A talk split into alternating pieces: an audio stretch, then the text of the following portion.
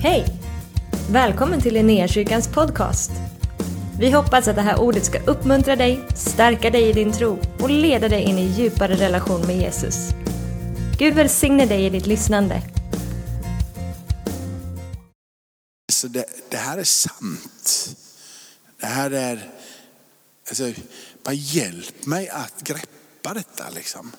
Jag vill inte att det ska bli ytterligare en saga. Eh, eller? Det är, ju inte så vi ska läsa det va? Det är en saga till. Det var Dorcas, det var Petrus. Hon var död, hon, hon uppstod ifrån de döda. Vilken fin berättelse. Det är ju en häpnadsväckande berättelse. Och när man lägger det här i kontrasterna till de andra berättelserna som ligger runt omkring här. När du har då ifrån Ruds bok där de, där de bara hänger på liksom in i ett nytt främmande land. Lämnar allting bakom sig för att dra in i det nya främmande landet. Och den här berättelsen från evangelietexten där Jesus bara tittar på dem och säger, hörni, den som gör det jag gör, den som lyssnar på mina ord, den som gör mina handlingar, den som vill följa mig. När vi refererar till Lukas i samma där så säger han, den som gör Guds vilja är min familj. Är mina mamma, är min mamma, mina bröder, mina systrar. Om man lägger det förpackningen in i den här berättelsen om Dorcas, Liksom att det här är på liv eller död. Att vi pratar om att det finns så mycket makt och så mycket kraft. Det liksom finns någonting som hovrar över den här texten som är så pass utmanande för mig att bara ställa mig upp att den kraften som finns tillgänglig för oss i våra liv tillsammans med Gud, den kan pulsera utifrån oss till den graden att vi kan möta den som är död framför oss och i Jesu namn få denna död att ställa sig upp. Det är så som vi blir utmanade i texten. I samma andetag som det sker så ställer han mig i kontrast till min familj. Precis som han ställer sig i kontrast till sin familj. Din morsa är där ute, bröderna är där ute. Ej, de vill snacka med dig och Jesus säger, ni som är här, som vill göra Guds vilja, ni är. I vad är, lägger han sin familj här nere och alla andra här uppe? Det är ju inte det han gör. Han bara låter dig och mig förnimma en helt nytt sätt att förhålla sig till tillvaron, förhålla sig till livet, förhålla sig till det som finns runt omkring oss. Han säger att det är inte bara det som du har för ögat och de relationer som du har utifrån släkt, familj och band som du har till din by och det kulturella sammanhang som du är. Det finns någonting än mer som Gud vill att du ska vara sammankopplade med. Och det är mina ord och det är mina handlingar. Det är det livet som strömmar ut ifrån mig. Än så hade de inte tagit emot frälsningen utifrån att Jesus inte hade dött uppstått från de döda. Anden hade inte blivit utgjuten. Jesus hade ännu inte refererat till han som huvudet och kroppen som församling. Och han hade inte än adresserat att det finns en andlig verklighet. Vi är sammansatta med varandra. Där vi tillhör varandra, där vi är varandras bröder och systrar. Där vi ska stå axel och axel med varandra. Hjälpa och stötta, lärjungar träna varandra. Han hade inte kommit fullt ut på resan. Men han säger att det ord som jag förkunnar och de handlingar jag gör, de ska ni värdesätta så här högt.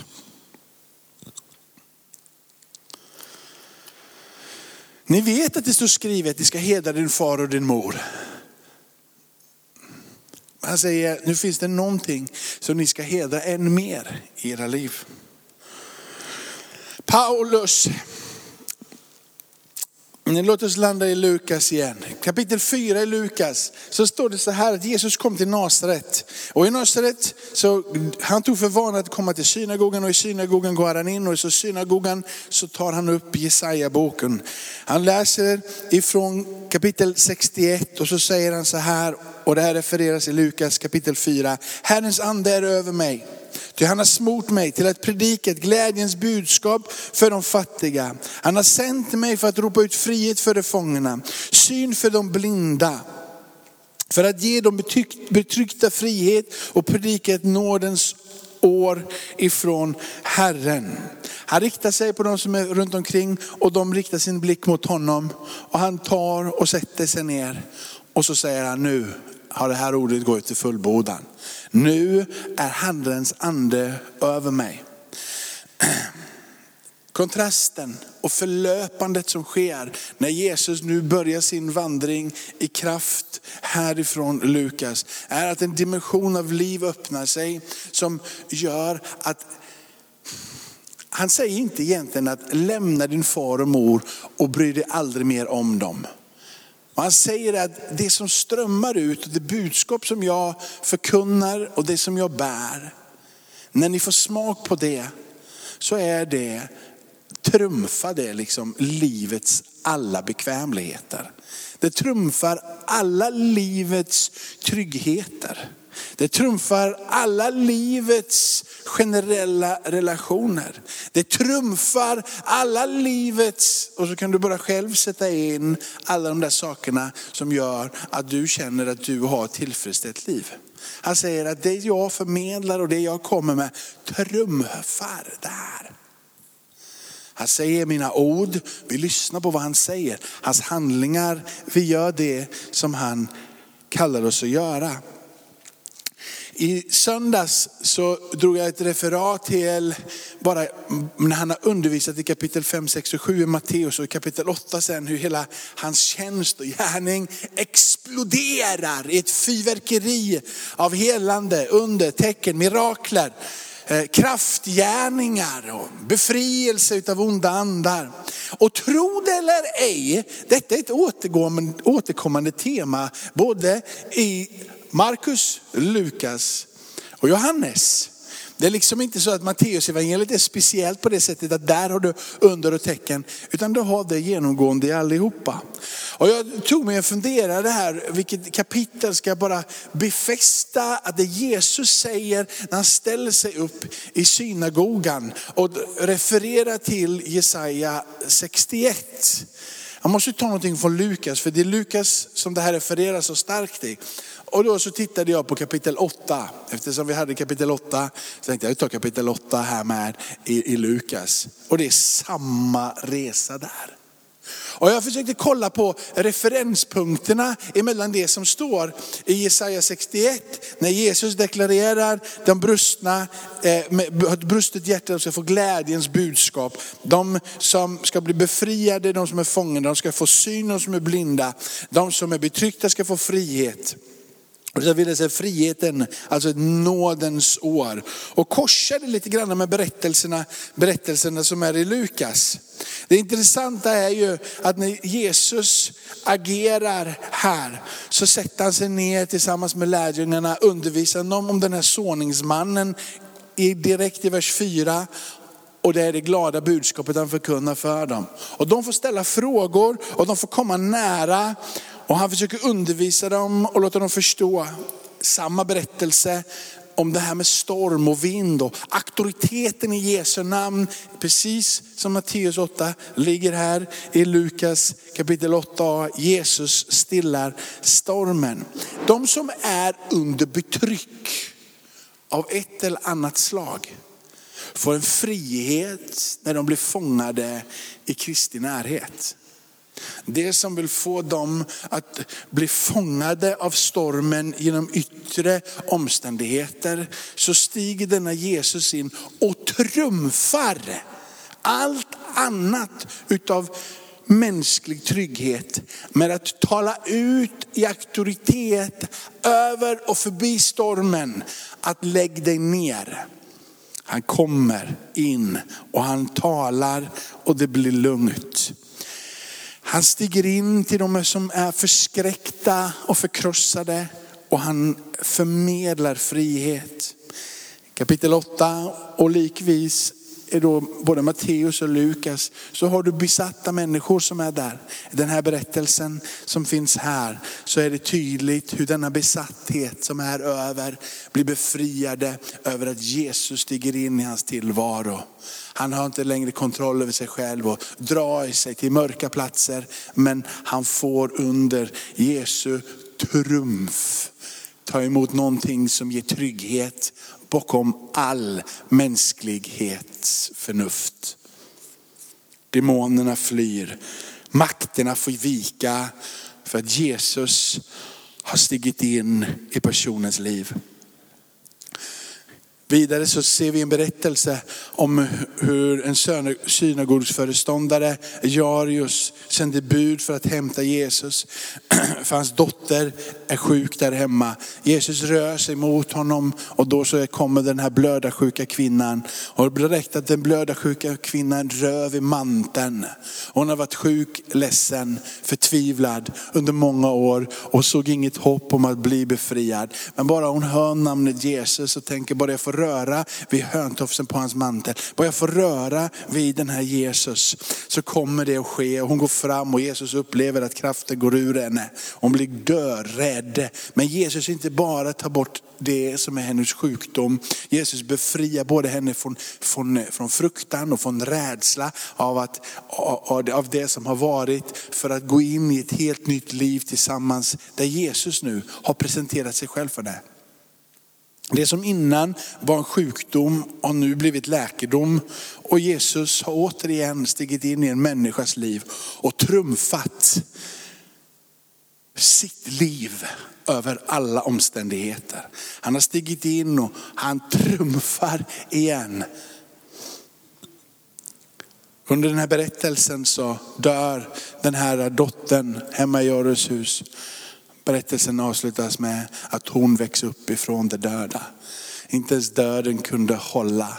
Oro, sorg, ledsamhet. Det som nu ville binda den här familjen och kanske aldrig mer blir densamma. Han stiger in i den här familjen och han krossar dödens makt fullständigt. Reser henne upp ifrån de döda och familjen kan celebrera igen över detta människoliv och glädjen i huset över att dottern lever.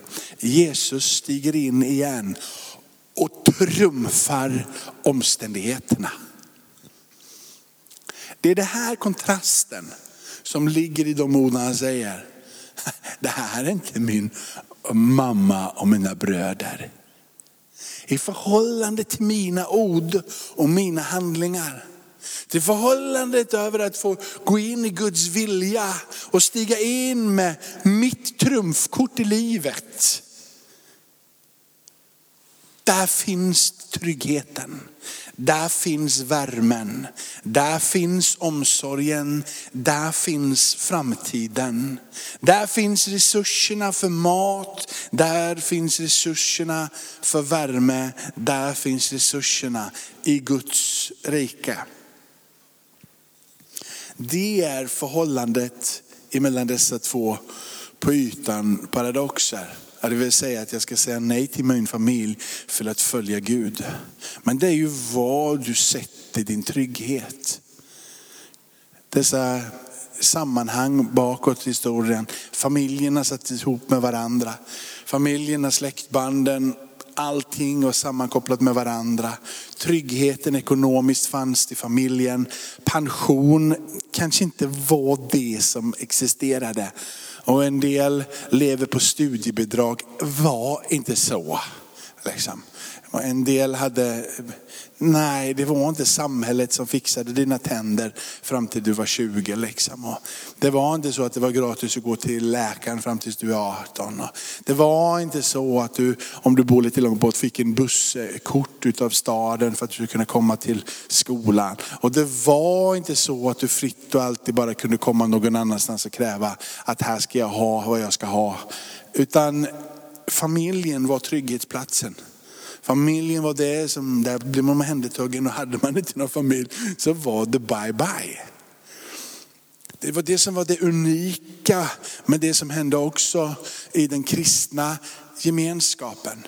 Att de helt enkelt som Dorcas här började hjälpa de fattiga som fanns runt omkring. Det fanns olika andra som alla gånger hjälpte till. Men här var det en hel rörelse. Det fanns en ära i att hjälpa den som inte hade. När anden blev utgjuten och pingsten flödar och församlingen springer till liv. Så är det precis det som händer i församlingen. Man hade saker och ting tillsammans. Det föds någonting i Guds rike. Det föds någonting när vi möts. Det föds någonting när anden får verka utav en samhörighet.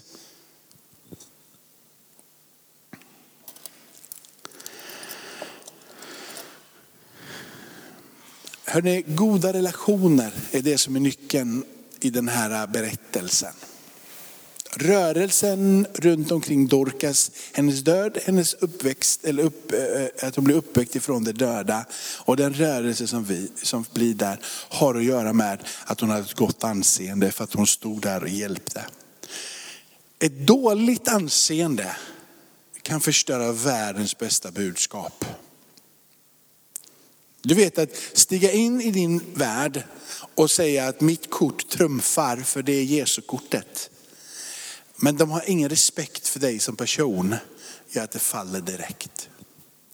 Och det tydligaste, för jag försökte liksom, eh, jag, jag har faktiskt haft, eh, haft det här för 2017, så hade jag, eh, hade jag det här temat, den samma, samma, samma, samma kanal eller jag på att säga. Men då så hade jag en berättelse med på den här, för jag gick tillbaka och tittade. Och då så berättade jag den här berättelsen från mitt eget liv. Tänkte jag kunde dela den för att det är svårt att komma in med Jesuskortet och trumfa eh, i den miljö som jag hade skapat runt omkring mig själv. Och det var så här jag gick i skolan, jag gick på högstadiet och jag tyckte inte skolan var det mest intressanta. Eh, det finns fler som man tyckte bakåt men jag tyckte absolut inte att skolan var intressant. Det var mycket annat som var väldigt roligt men inte skolan. Vilket gjorde att det blev ju att vissa lärare och jag fungerade ju inte. Eh, vissa lärare kunde man skoja med och sådär och de fattade att men Jakob kommer nog inte sitta och plugga så mycket men vi försöker ha en god relation så att han inte förstör klassen helt och hållet. Liksom. Så vi blev ju kompisar på, på, på Men en del, en del lärare var det omöjligt att koppla med. Jag var bara jobbig för dem. Liksom. Och vi hade en sån lärare på högstadiet, eller vi hade, jag, hade, jag hade skapat den här eh, sprickan ja, hon kanske hade skapat den också, men mest, jag tror mest jag.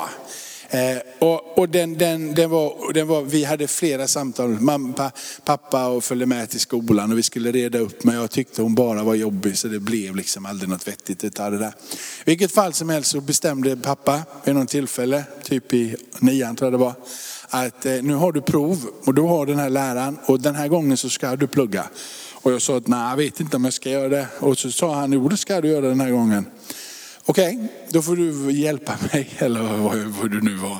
Så han sa, okej okay, jag förhör dig. Så vi började köra den här predikan, eller provet.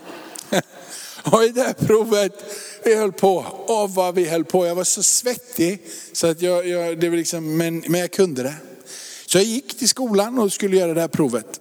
Och tro det eller ej då, när vi får tillbaka det här provet så har jag ju alla rätt såklart. För jag har ju faktiskt, jag har ju faktiskt läst på. Problemet är ju bara den att min relation med min lärare är inte speciellt bra. Ja, så hon säger ju så här, att det där provet får du tillbaka men det är ju såklart att du har fuskat så du får göra om det. Ja, har du så säger jag har inte fuskat. Ja, jag tror inte på dig. Du har aldrig någonsin haft någonting med de här liksom, nivån på, på kunskap att göra. Så det är ju, du har fuskat. Nej det har jag inte, så jag. Jo det har du. Och relationen där var körd. Det spelar ingen roll hur mycket jag än sa. Det går liksom inte att komma in med Jesuskortet om vi hela tiden bryter sönder våra relationer genom vårt dåligt beteende hela tiden. Spelar ingen roll vad jag gjorde, jag gjorde rätt. Jag gjorde det som jag skulle göra och jag gjorde det så pass bra. Men likväl så fick jag ingenting för det. Och ibland i våra liv så liksom försöker vi på antingen religiösa grunder eller för att vi blir tvingade till det. Eller för att vi måste göra det. Och så försöker vi stiga in med Jesuskortet och det bara faller platt fall och vi fattar ingenting. Men grunden för att kunna plantera det livet som Gud har lagt i dig, i det som finns runt omkring dig, är det livet som Dorcas presenterar. Det som vi läste i Rut. En överlåtelse till varandra, ett respektfullt levande man tar hand om de fattiga, man hjälper varandra, man stödjer varandra. Och från den platsen, när du stiger in med helande, under, tecken, befrielse. Där du stillar stormen, där det blir lugnt och stilla för att Jesus bor i ditt hjärta och du stiger in. Du vet att det blir mottaget. Tackar dig Fader i himlen att vi får börja om. Att vi får komma i nåd till dig om och om igen Herre. Och jag ber Fader för mitt liv, att jag skulle få arbeta på de relationer som finns runt omkring mig. Att jag fick vara en, som berättelsen i Rut här, där det finns en överlåtelse. Eller berättelsen här som vi läste från Apostlagärningarna, där Dorcas hjälpte så att det blev liksom en rörelse runt omkring dem, värdesätter hennes liv och hennes gärning. Så att vi kan stiga in med den kraften och med den myndigheten som finns i det budskap om livet i Jesus. Uppståndelsen från de döda, Guds rikes utbredande. Vi ber Herre att den här stunden får bli en stund av överlåtelse idag Herre. Där vi får göra upp med dig, där vi får gå in och säga här är jag, Herre, Herre, här är jag, hjälp mig, förnya mig, förnya mig. Låt mig få komma tillbaka till sunda goda relationer. Låt mig få bli ett ljus i min tillvaro. Jag vill bli ärlig igen, jag vill, jag vill ta tag i mitt liv igen. Jag vill liksom vara ett föredöme där jag är. Jag vill Herre att du ska stråla på alla områden av mitt liv Herre. Tack för att du är med. Tack för att du är med, tack för att du beskyddar, tack för att du bevarar. Tack för att du har en ära i att leda våra liv. Amen. Tack för att du har varit med oss. Hoppas du känner dig inspirerad av Guds ord och har fått nya perspektiv. Hör gärna av dig till oss och berätta om Gud har rört vid dig på något sätt. Vi är så glada att få höra vittnesbörd om vad Gud gör. Du kan mejla oss på adressen info och dit kan du även mejla om du har ett böneämne som du önskar att vi ber för. Eller om du har tagit emot Jesus och inte har någon bibel så vill vi mer än gärna skicka en bibel till dig. Skicka ett mejl med ditt namn och dina adressuppgifter till info så ser vi till att du får en. Om du vill ge en gåva till Linnéakyrkans arbete för att nå fler människor med evangelium så kan du swisha till 123 520 0993. Du kan också besöka oss på linneakyrkan.se för att få mer information. Välkommen tillbaka att lyssna snart igen.